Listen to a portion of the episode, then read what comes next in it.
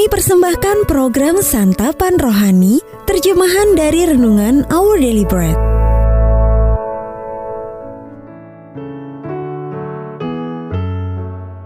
Sahabat ODB, pembacaan Alkitab hari ini terambil dari Kolose pasal yang keempat ayat yang kedua sampai dengan ayat yang keenam. Kolose pasal yang keempat ayat yang kedua sampai dengan ayat yang keenam.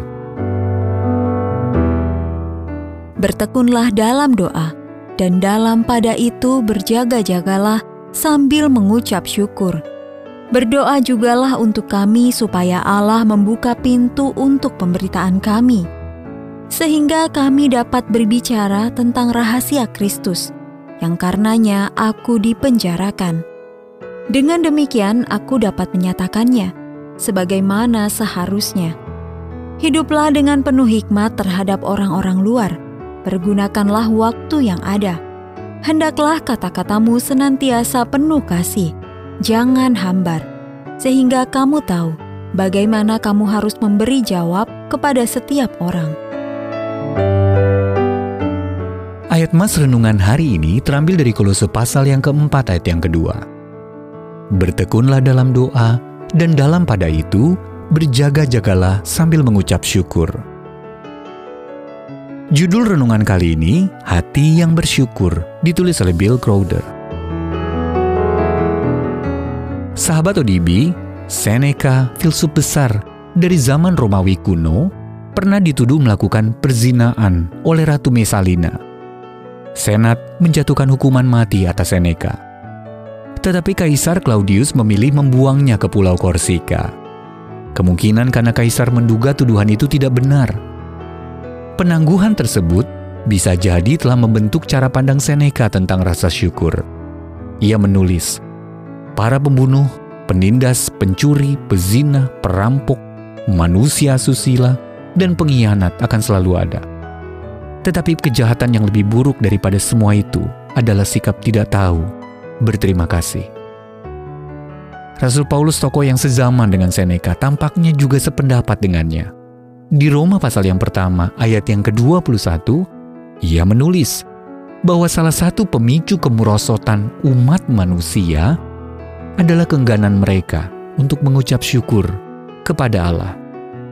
Dalam surat kepada jemaat di Kolose, tiga kali Paulus mengingatkan saudara-saudari seimannya untuk bersyukur. Ia berkata, hendaklah hatimu melimpah dengan syukur. Kolose pasal yang kedua ayat yang ketujuh. Ketika kita mengizinkan damai sejahtera Allah memerintah dalam hati kita, kita patut membalasnya dengan bersyukur. Pasal yang ketiga, ayat yang ke-15. Rasa syukur bahkan harus menjadi ciri khas doa-doa kita. Kebaikan Allah yang begitu besar kepada kita mengingatkan kita pada salah satu realitas hidup yang luar biasa. Dia tidak saja layak menerima ungkapan kasih dan penyembahan kita, tetapi juga pantas menerima hati kita yang dipenuhi dengan rasa syukur. Segala sesuatu yang baik dalam hidup ini datang dari Dia. Yakobus pasal yang pertama ayat yang ke-17. Dengan semua yang telah kita terima di dalam Kristus, sudah sepatutnya ucapan syukur terus mengalir dari hati kita dan mulut kita. Kiranya kita merespons anugerah Allah yang indah dengan selalu bersyukur kepadanya. Sahabat ODB, apa saja berkat-berkat terbesar yang paling berarti yang pernah Anda dapatkan dalam hidup? Dan apa saja berkat yang Anda terima sehari-hari, tetapi selalu mudah Anda lupakan? Bapa yang mengasihiku, ampunilah aku. Ketika aku menganggap remeh dirimu dan berkat-berkat yang kau berikan, jadikanlah hatiku penuh dengan syukur, supaya aku menghormati dan memujimu untuk semua yang telah dan sedang engkau lakukan.